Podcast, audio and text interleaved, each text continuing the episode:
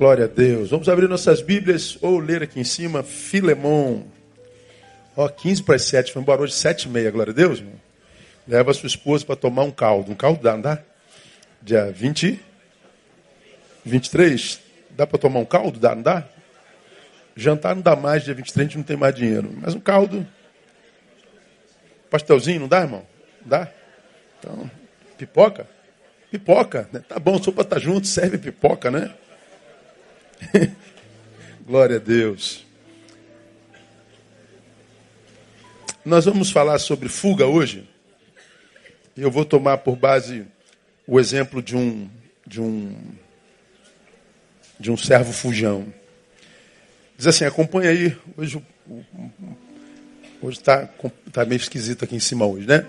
Então, acompanha aí. Paulo, prisioneiro de Cristo Jesus, e o irmão Timóteo, ao amado Filemão, nosso companheiro de trabalho. E a nossa irmã Áfia e a Arquipo, nosso companheiro de lutas, e a igreja que está em tua casa. Graças a vós e paz da parte de Deus, nosso Pai, e da do Senhor Jesus Cristo. Sempre dou graças ao meu Deus, lembrando-me de ti nas minhas orações.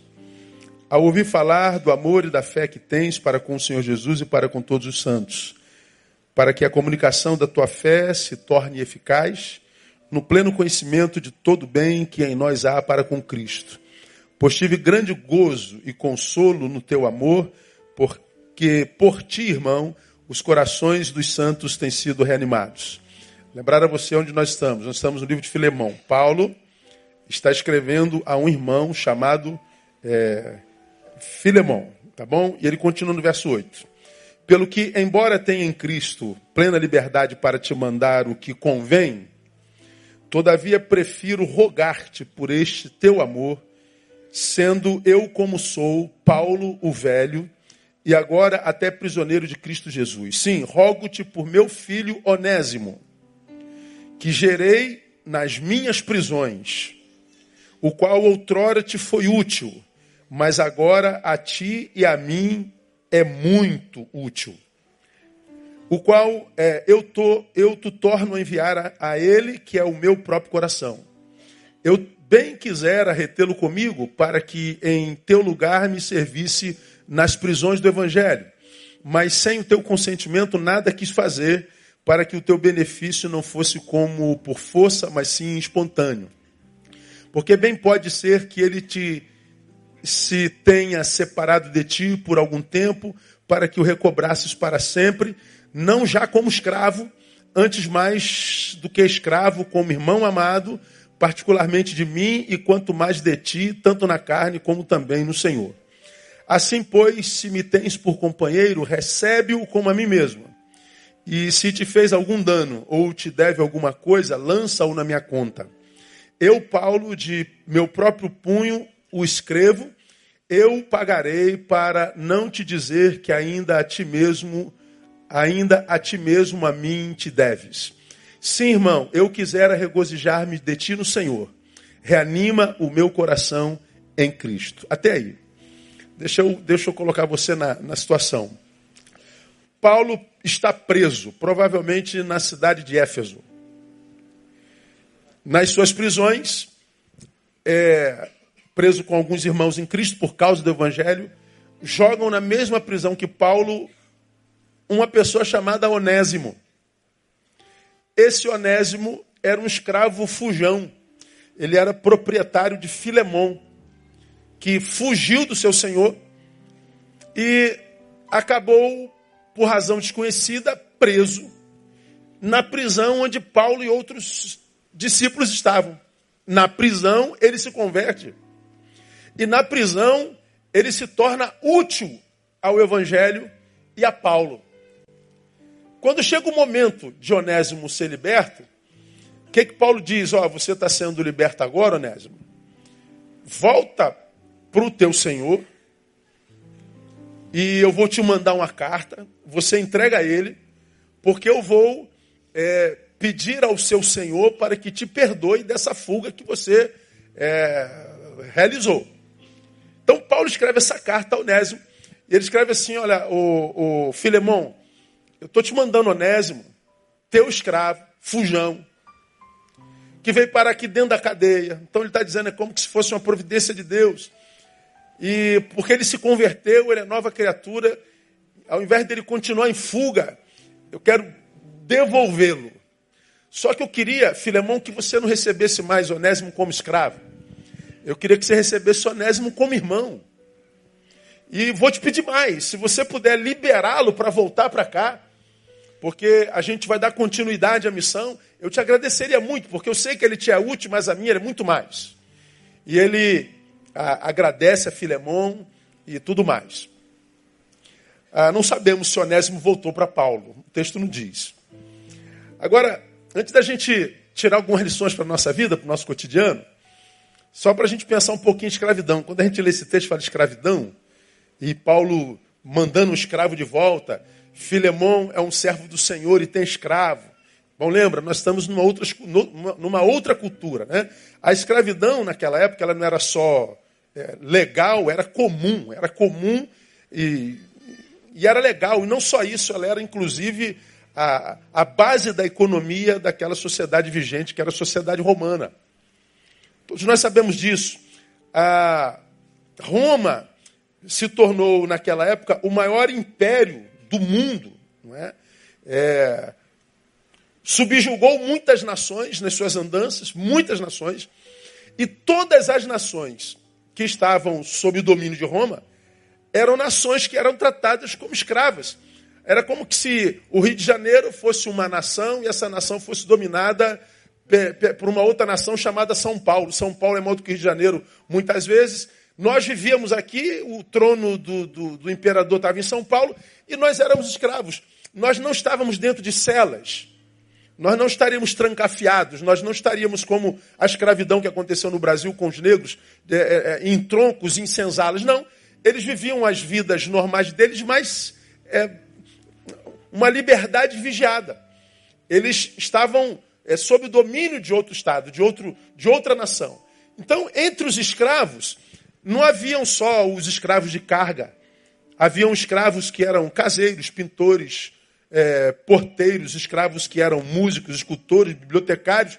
Haviam escravos que eram médicos. Portanto, haviam escravos que eram, inclusive, não raro, mais competentes do que os seus senhores. Filemão era um desses, desses, desses. É, Onésimo era um desses escravos. Paulo estava preso quando mandou essa carta e na prisão, para você ver como é que era a escravidão naquele tempo, Paulo escreveu duas cartas. Escreveu carta aos Efésios e cartas aos Colossenses, além da carta a Filemão. Preso, escrevendo. Então era uma escravidão diferente dessa que a gente conheceu aqui no Brasil. Bom, independente de qual seja a escravidão, Paulo está dizendo assim: olha, se você está em Cristo, seja você um escravo legal ou não, não tem como você viver em fuga.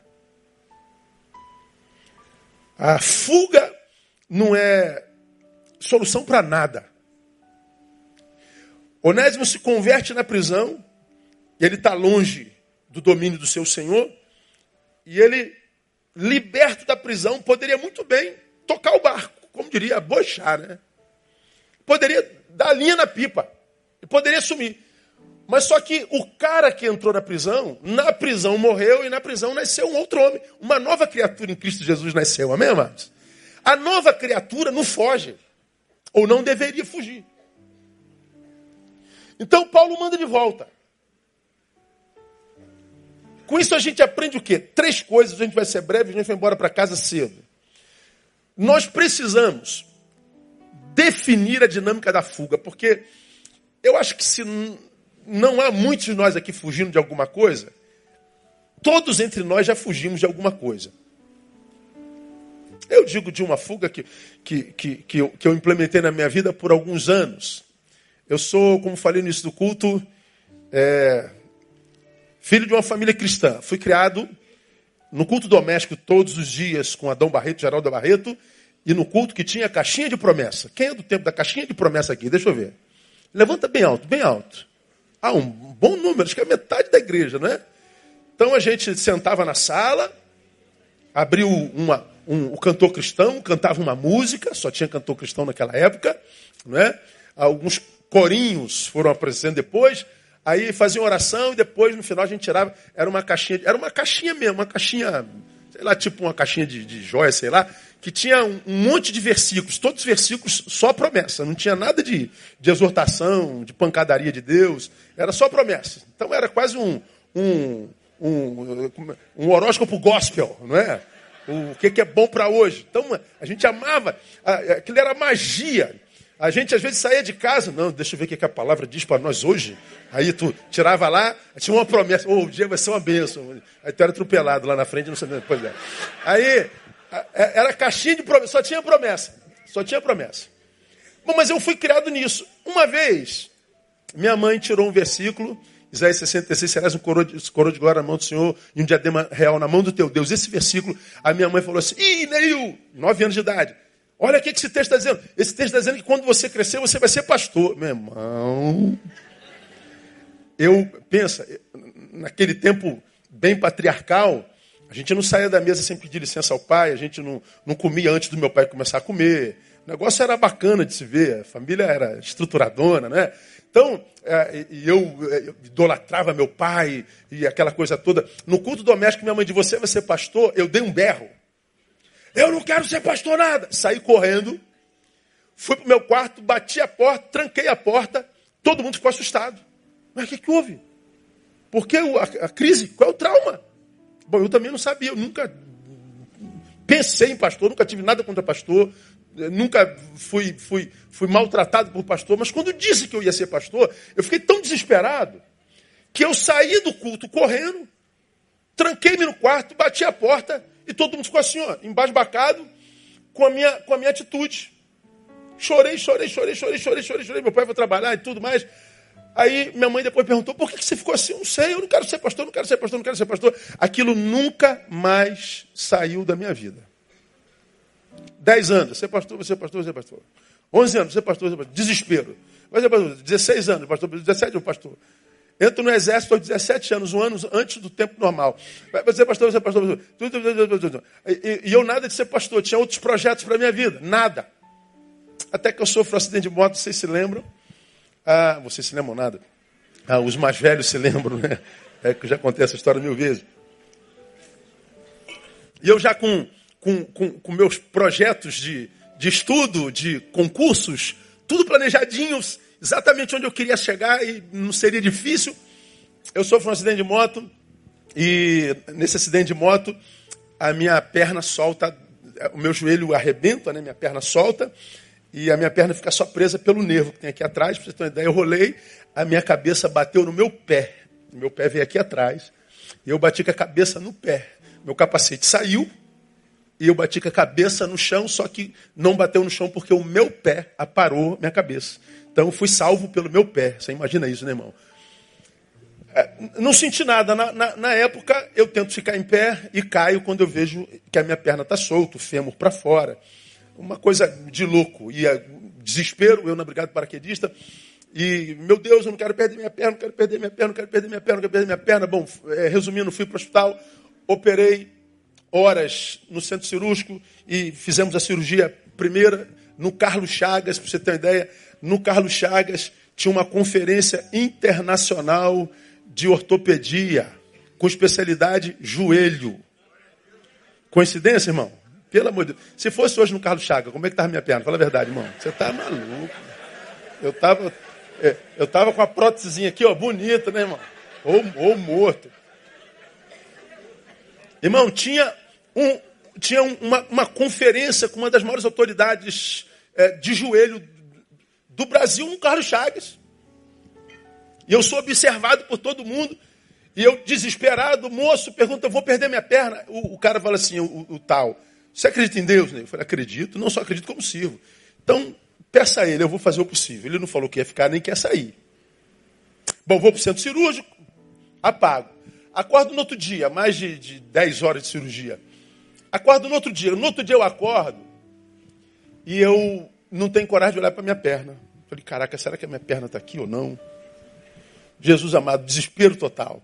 Quando eu olho, está minha perna lá, é, na tração, a, a, com a sonda e tudo mais, mas estava lá. Minha perna estava lá.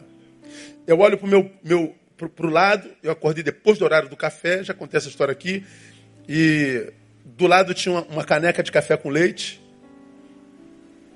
um pão em cima, cheio de barata. Tomado por barata, tomado por barata. Eu enxoto as baratas, não tenho medo de barata. Se fosse minha esposa, ela fartaria na cama. A minha biblinha estava lá. Quando eu pego minha Bíblia, eu abro a Bíblia, está lá, quão formosos são os pés dos que anunciam a palavra, dos que anunciam coisas boas.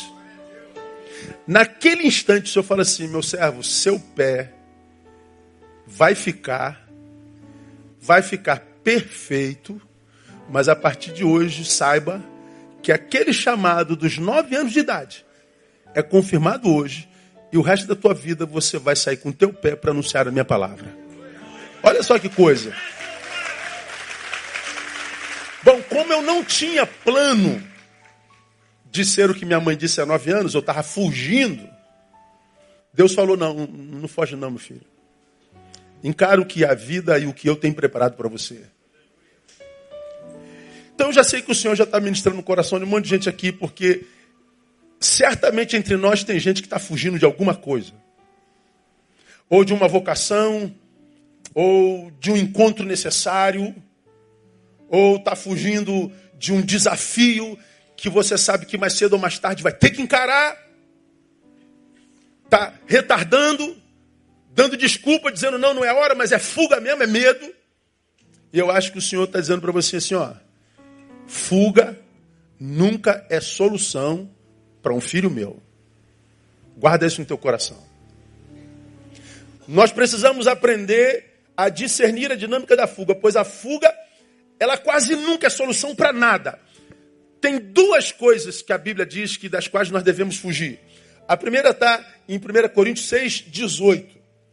1 Coríntios 6, 18 está dito assim, ó.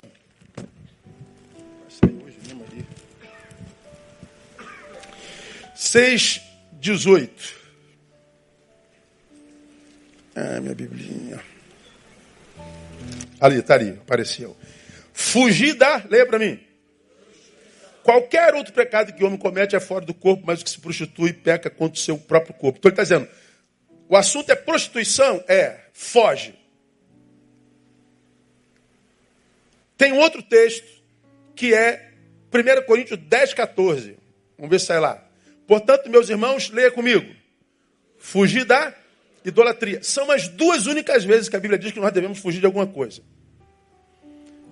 Primeiro, da prostituição não encara quando a questão for essa. E se a, a tentação for de idolatria, não encara, foge, você perde. Tem, tem, tem alguns casos na Bíblia que são interessantes, né? Eu já pensei sobre isso aqui. Quando você pega a história de Israel, Moisés está saindo com o povo do Egito, eles chegam diante do mar e atrás vem Faraó. Moisés para e, caramba, para onde eu vou? O exército vem lá. Se eu correr, o bicho pega. Se ficar, o bicho come. Para onde eu vou? Ele sobe numa pedra para orar. E lá na oração, Deus fala assim para Moisés: Por que clamas a mim, Moisés? Diga aos filhos de Israel que marcha. O que, que Deus está dizendo ali? Essa hora não é hora de oração, Moisés. Não, não, não é hora de falar comigo, Moisés. Isso não é hora de devoção. Isso é a hora, Moisés, de meter o pé na porta e, e, e, e cair dentro. Então sai daqui do negócio de oração e mete o pé na porta do mar que o mar vai se abrir. Ele falou, é mesmo? Mete o pé. Mas, mas para onde? Para onde que você pode marchar? Pra, vai marchar para o exército? Não. Então marcha para dentro, marcha para dentro. E eles vão para dentro d'água quando eles pisam na água, o que acontece no mar? O mar se abriu. Porque era momento de meter o pé. Mas tem um momento lá no Novo Testamento, quando Jesus, depois que é assunto aos céus, ele diz assim: ó, ficai em Jerusalém, até que do alto vocês sejam revestidos de poder. Então ele está dizendo, Moisés, Moisés está dizendo aos apóstolos, apóstolos, não metam um pé para fazer nada. Não saiam para pregar, não saiam para curar, não saiam para cumprir o ídolo, não façam, fiquem parados. Não façam absolutamente nada. Esperem serem revestidos do alto. Quando vai acontecer, não interessa, vocês vão ficar parados até quando isso acontecer. Olha, a Moisés ele diz, mete o pé. Aos apóstolos ele diz, fica parado. Nesse texto ele está dizendo, foge. Mete o pé, Moisés. Puf! A porta abriu. Mais adiante fica parado. Mais adiante foge. Nós precisamos discernir isso. Porque se na época de meter o pé eu paro, eu perco. Se na hora de fugir eu meto o pé, eu perco. Se na hora de parar eu meto o pé, eu fujo, eu perco. Então, é, há, há momentos na nossa vida que nós precisamos estar ligados ao Pai para sabermos que decisão tomar. Aqui nós estamos de um homem que fez opção pela fuga. Nesse caso, a fuga não é solução absolutamente nenhuma. Por quê? O que, é a fuga? A fuga é, sobretudo, o ato de pôr em cativeiro a liberdade. Ou seja, o, que é o fugitivo? É aquele que troca de cadeia. Eu sou escravo de, de Filemão e eu fujo de Filemão. Onde é que ele foi parar? Dentro da cadeia. Porque o fugitivo, ele vai estar preso aonde ele estiver. Com, com, atrás de barra de ferro ou não, se está em fuga de alguma coisa, você, é, você vai estar preso, não tem jeito. É como aquele camarada que, que, que, que sonhou em caminhar para a direita. O sonho dele era estar aqui. Mas por alguma razão, ou por facilidade, ou porque ia ganhar mais dinheiro, ou sei lá por qualquer outra razão, ele cujo coração está lá na direita, ele vai para a esquerda, ele está aqui. Ó. É possível que aquele tenha prosperado, que ele tenha se dado bem, que ele tenha tido fama, mas ele está aqui na esquerda com o coração aonde? Me diga vocês. Lá na direita. Eu estou na esquerda preso à direita. Eu estou na esquerda sonhando com a direita. E a Bíblia diz que é, onde estiver o seu coração, ali estava, lá estará vosso tesouro. Então, se, se eu e você temos um sonho, se eu e você temos um projeto, se eu e você temos algo que precisa ser tratado, que precisa ser curado, que precisa ser enfrentado, meu irmão, a palavra do Senhor diz: é, faça isso o mais rápido possível. Porque se depender de você, é, não faça opção pela fuga, não. Você vai estar preso onde quer que você vá. Você está colocando a liberdade que Deus te deu em cativeiro. Você está livre, mas não livre para viver a liberdade. Você está livre, mas não livre para viver a liberdade com plenitude. Aquela ideia de que eu estou no lugar, mas esse não é meu lugar, o meu lugar é lá. Mas para estar naquele lugar, pastor, tenho que imprimir muito esforço. Eu acho que eu não sou capaz. É capaz sim. Porque a tua ausência de capacidade é um diagnóstico que você fez de si mesmo. Porque grande parte dos que não estão felizes aonde estão, ou com o que são, não estão felizes porque é, é, não chegaram lá onde sonharam. Não estão felizes porque não tentaram chegar. Ah, pastor, é maior do que eu. Você encarou aquilo que é maior do que você? Você foi lá, tentou e fracassou? E depois do fracasso tentou uma segunda vez? Depois do segundo fracasso, tentou uma terceira vez? Ou você nunca tentou e abraçou a verdade que você construiu para si, te fazendo menor do que o que de fato você é, e se acomodou no lugar onde você está? Bom, todos os que estão no lugar que não é o lugar sonhado, estão no lugar, ainda que provido, impossível de viver felicidade. Essa que é a questão eu atendo alguém no meu gabinete. Estava aqui domingo, garoto de 27 anos, juiz.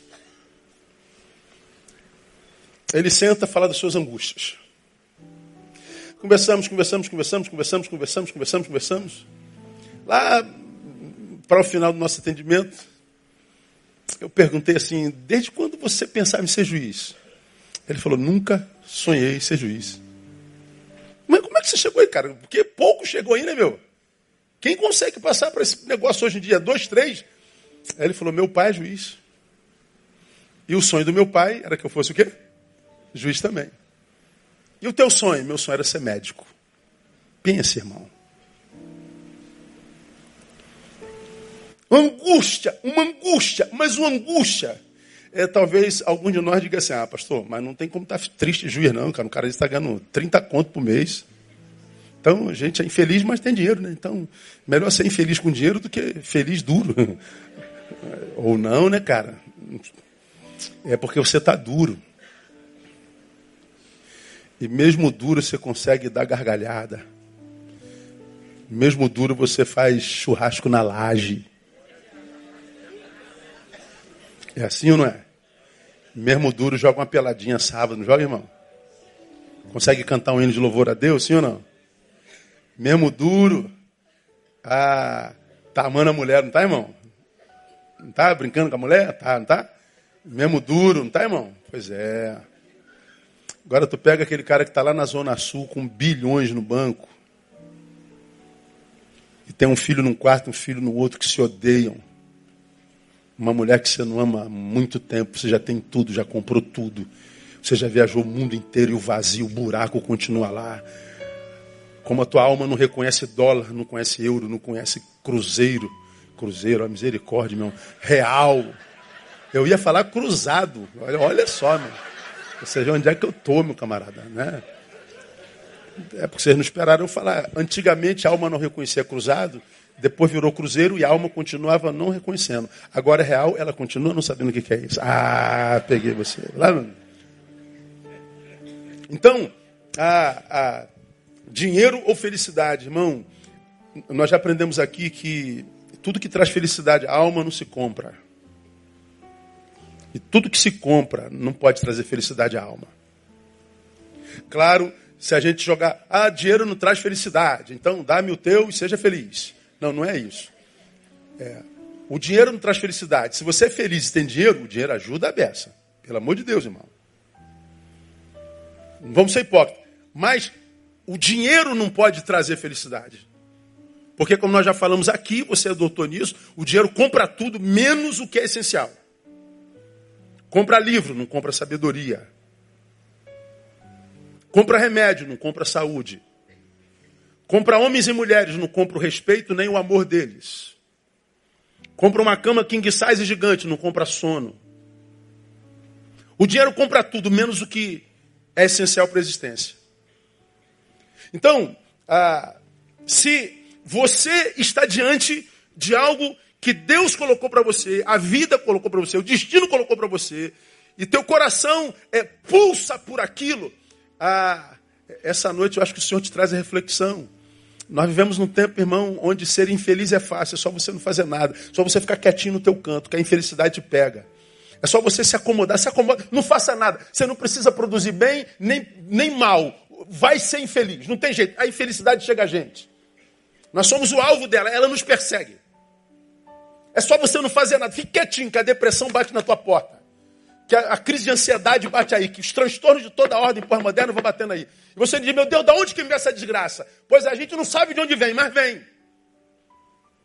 Vem em quem está quietinho, vem em quem está se movimentando. Parece que, que, que, ser feliz hoje é um dos maiores desafios dos seres humanos, porque para ser infeliz basta que não se faça nada.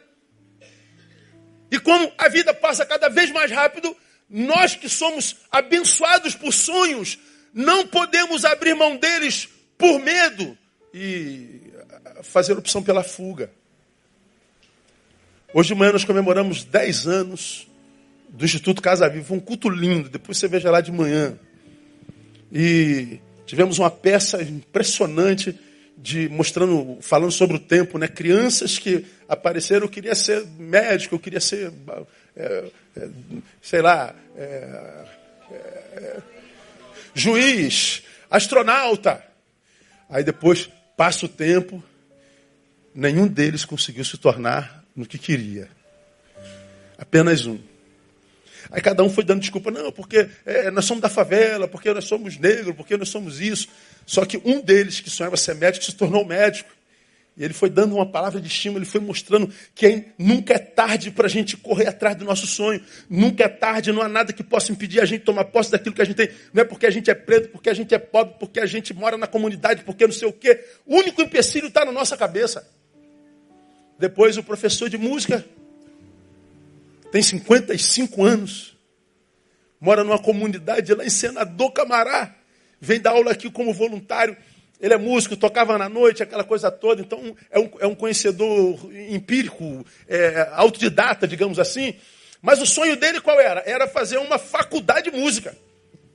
Aí ele está conosco já há uns. Quantos anos, Acho que sete anos, né? Sete, oito anos, cinco anos.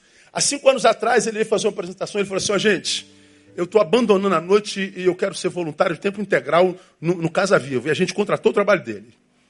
Aí eu falei assim, cara, você está tomando decisão difícil, mas Deus vai te abençoar por isso. Hoje ele veio contar que depois que ele foi para o Instituto Casa Viva, envolveu-se com música, com crianças, com comunidade, e ele se matriculou na faculdade de música, e ele falou, daqui a dois meses eu estou me formando, você é um músico de verdade. Aos 55 anos de idade. Negro, velho, favelado, mas de posse do sonho. Dei um abraço nele, eu fui pregar na PIB de Senador Camaral, na posse do House, a semana passada, lá dentro de, da, da, favela de Senador Camará. Aí passa ele, ele me vê na porta, ô pastor, eu aqui. Ele esperou o culto acabar, ele estava de camiseta e tal. Eu falei, mas poxa, pastor, sou aqui na minha terra. Falei, você mora aqui, cara? Mora lá dentro da favela de Senador Camará. 55 anos realizando o seu sonho. Então, meu irmão, deixa o Espírito Santo de Deus estar no teu coração nessa noite. Eu não sei qual é o teu sonho, não sei do que você está fugindo. Mas eu sei de uma coisa: se esse sonho chegou ao teu coração, Deus permitiu. É possível que tenha sido Ele mesmo quem tenha colocado aí. Então, para de fugir e vai lá e encara aquilo que Ele preparou para você na tua vida, porque o Senhor é contigo no nome de Jesus. Catuca alguém fala assim, irmão, vai lá, diga para ele aí, vai lá, aplauda ele forte aí.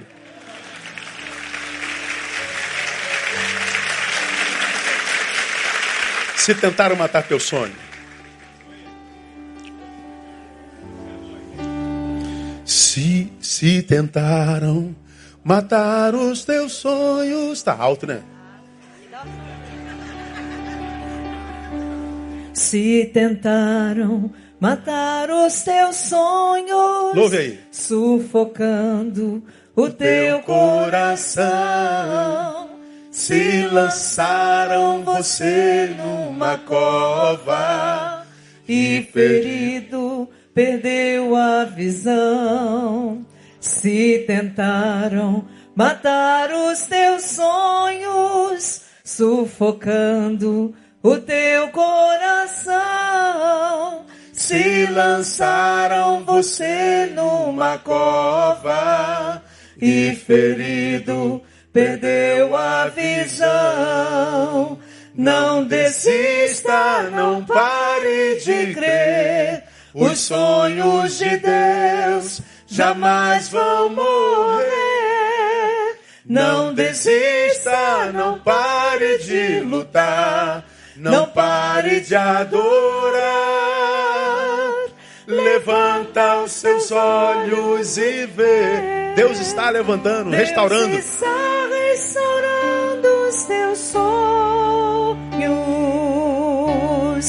e a tua visão. Profetiza. Recebe a cura, recebe a unção, unção de ousadia, unção de conquista, unção de multiplicação. Aplauda ele bem forte, recebe a cura aí. Sonhos não morrem, a não ser por suicídio, como eu falei de manhã. Fuga é o ato de pôr em cativeiro a liberdade. O fugitivo estará preso onde quer que vá. Não tem jeito. Nós precisamos é, tomar posse é, desse negócio. É, buscar aquele lugar para o qual nós nascemos. Acho que esse é um dos maiores desafios e o mais importante na vida de um ser humano. Para qual lugar Deus criou você? Porque Deus não te criou e jogou no mundo, ó, disse assim: ó, se vira, você não é filho de chocadeira. Você é filho de um Deus que, quando te criou, te criou com um projeto, com um plano. Deus tem um plano para cada criatura, nós cantamos isso a nossa vida inteira. Então, acha o teu lugar no mundo. O fugitivo, ele estará preso onde quer que ele vá. Mas também a, a fuga tem uma terceira vertente. É o caminho para o retorno humilhante. Está fugindo de Filemão? Tô. O que, que, é isso? É, é a construção do teu retorno humilhante. E ele teve que voltar humilhantemente para a casa do seu Senhor. Pois é. Por que, que tem tanta gente vivendo humilhação, gente? Pastor, eu não, não consigo entender porque tudo dá errado na minha vida. Não suporto mais tanta humilhação, não suporto tanta, tanta, tanta consternação, não suporto tanta, tanta coisa ruim na minha vida. Por que, que tem pessoas que parecem que nasceram para sofrer? Pessoas que, para as quais a gente olha e fala assim, essa pessoa está de, de, de, olho grande, tem, um, tem uma macumba contra você, tem um, um, um trabalho das trevas contra você, esse cara está debaixo de urucubaca. Às vezes não é isso não. É porque você se recusou a ser aquilo que Deus tinha planejado para você. Você está fugindo. E a gente foge de, de, de, tantas maneiras, irmãos. A gente, é, por exemplo, vou, vou, vou dar um, um sintoma de fuga hoje é assim, batata. Você rompeu com alguém. Olha só. Foi um rompimento meio traumático. Aí ele foi para lá, ela foi para lá. Aí um não quer dar o braço a torcer de que está mal a beça com a saída do outro. Aí o que, que ele começa a fazer, ou ela? Começa a botar um monte de publicação. Como quem está feliz a beça. Viajando, Está com o novo crush. É crush que fala? Tu Diego? Crush. Na minha época era refrigerante. Na minha época. Pois é. é, é crush e grapete. Laranja e uva, assim. Aí a, a, minhas filhas conversando, viu o crush, não sei o que, o que é crush? Crush, o que é crush? É, crush é namorado, é o ficante. Ficante, é o ficante. Aí o, o, o que está sofrendo a beça bota lá com um novo crush.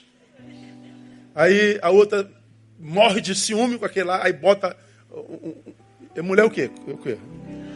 Aí, crush também? É a mesma palavra para os dois? Jesus, Senhor, volta, Senhor. Já está ruim para mim esse negócio, né? Então, aí é o, é o crush dele, é crush dela. E todos dois fingindo que estão bem. Aí daqui a pouco um está jantando aqui no, no, no, no, Leleco, o outro bota é, lanche, é, é, é, almoçando no peixe frito da Sulacap, estou melhor que você. Aí o outro vai almoçar não sei aonde da Taquara. Aí o outro vai almoçar não sei aonde do recreio. Assim, aquela competição. Todo mundo bem. Nada. Todo mundo fugindo da realidade. Todo mundo infeliz, sem querer dar o braço a torcer. Os dois, quem sabe, apaixonados um pelo outro. Bastava que um tivesse a hombridade de falar: me perdoa. Vamos conversar mais uma vez. Mas a gente vai fugindo da realidade, seja por orgulho, seja por exibição, seja por covardia, seja por maldade. Mas a gente foge. E toda vez que você foge, independente da razão, você está construindo um caminho de retorno humilhante. Vai ter que voltar ao ponto de origem, só que você vai voltar humilhado. Paulo tentou amenizar a humilhação de Onésimo e o fez. Mas quantos de nós, irmãos, temos que voltar quebrados, feridos, irreconhecidos, deformados? Porque a gente foi orgulhoso, a gente fugiu, a gente teve medo, a gente teve covardia. Então, meu irmão, ah, eu não sei é, com quem Deus está falando nessa noite, mas que, como eu tenho dito, se Deus colocou na minha boca, trouxe alguém para ouvir, não abra mão do teu sonho. Não abra mão da missão que te compete. Se você tem que fazer isso, faça isso. E não, não posterga, não, não, não manda mais para frente. Mas o caminho para quem quer seguir em vitória é o retorno.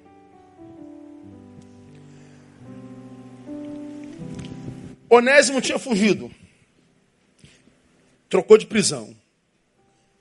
A prisão se lhe abriu ele poderia simplesmente seguir a jornada que ele estava fazendo até que a prisão entrou no meio. Ele está fugindo de lá e estava indo para lá, não sei onde é lá.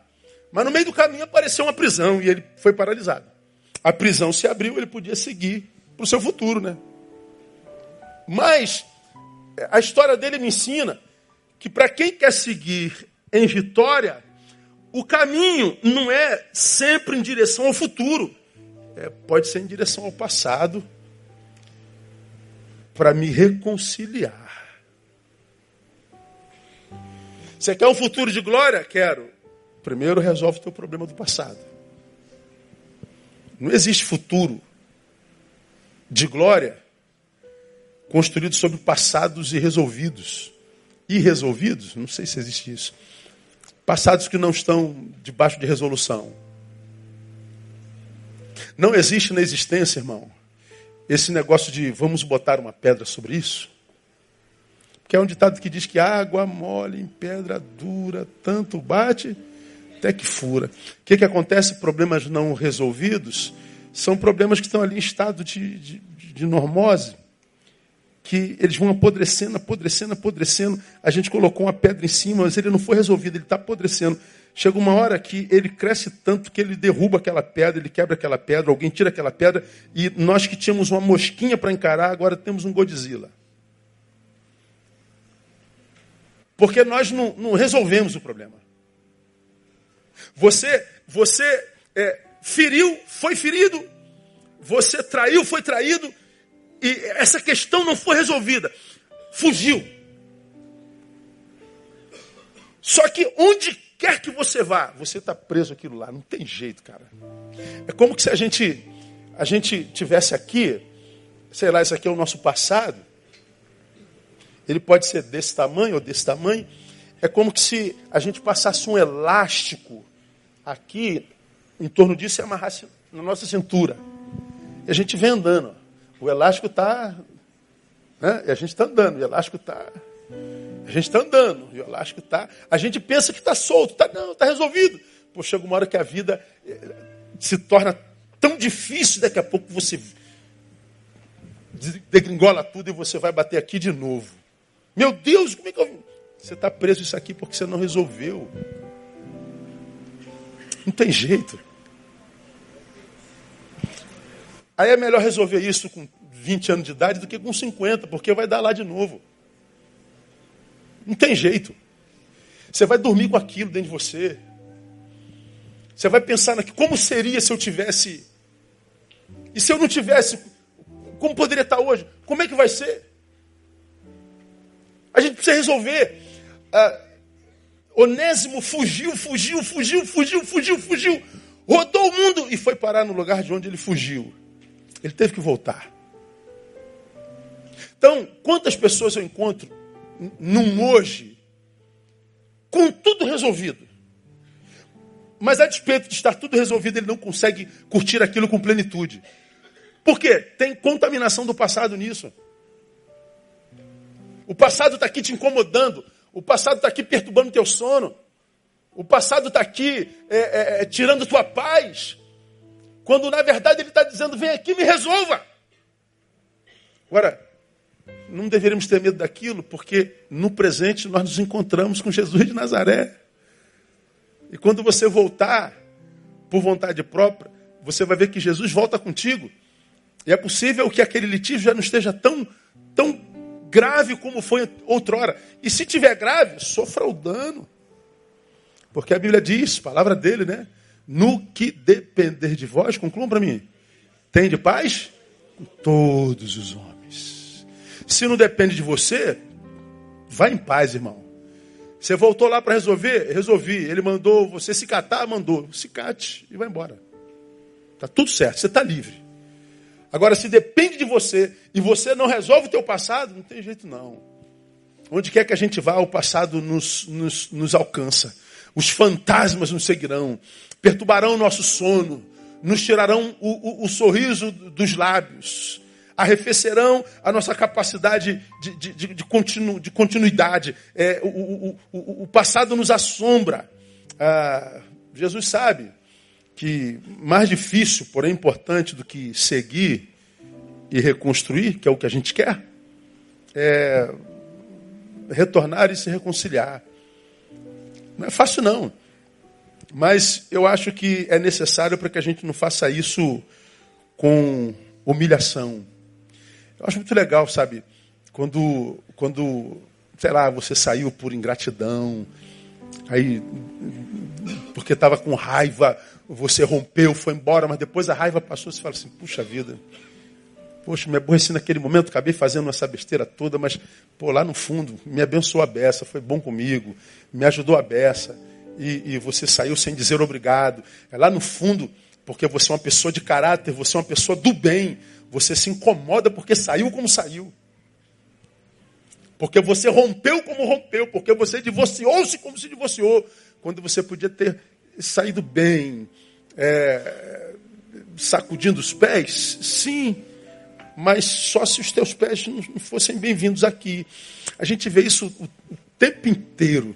Pessoas com consciência culpada, pessoas com consciência que debaixo de brasas que estão queimando a consciência e, e tal. E o Senhor está dizendo: olha, fugir não é nada bom porque é caminho para quem é, vai voltar humilhante. Agora, para quem quer seguir em vitória, o caminho é do retorno. Põe aí, painel, Provérbios 28, 13.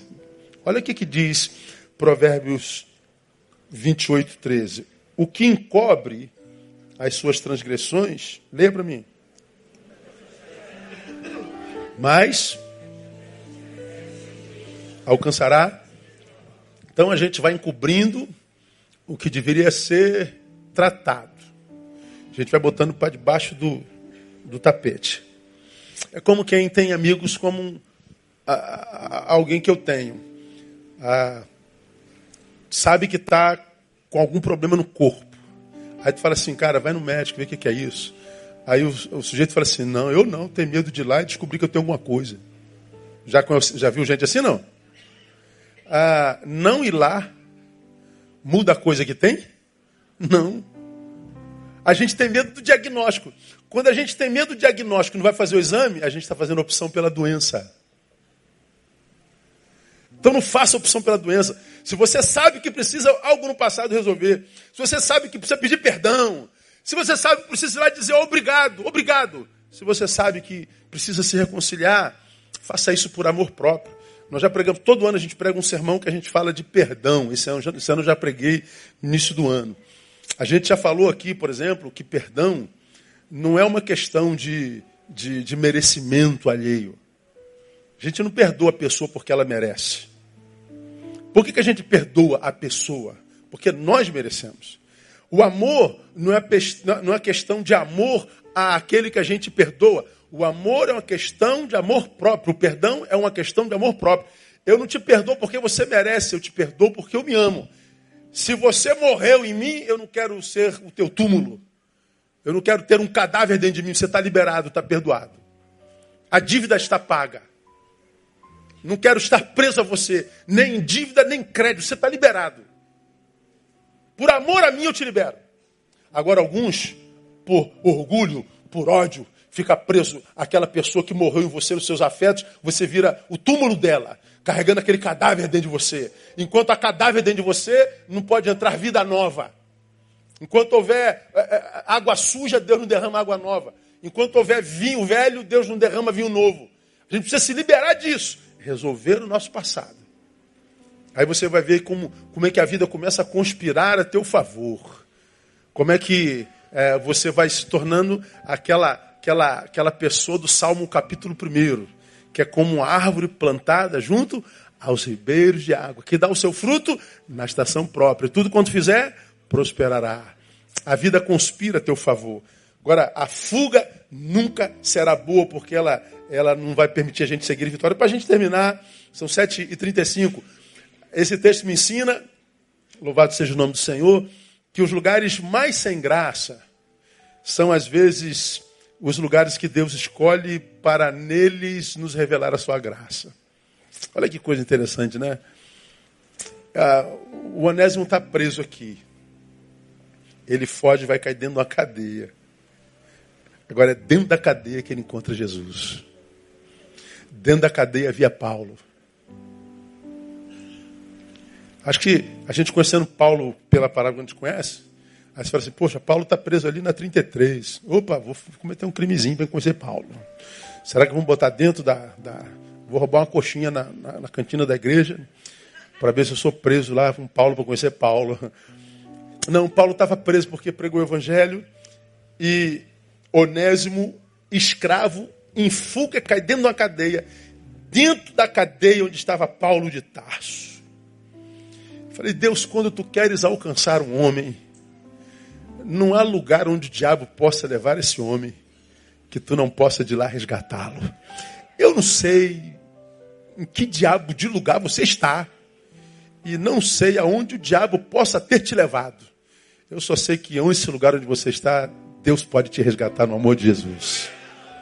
Eu não sei o que você fez com a sua vida, eu não sei que besteira você fez com a sua vida, eu não sei o que fizeram com você que te levaram a estar nesse lugar que eu não faço a menor ideia de qual seja. Eu só sei que, como eu já disse aqui, não há lugar onde o pecado possa nos levar que a graça de Deus não nos possa resgatar.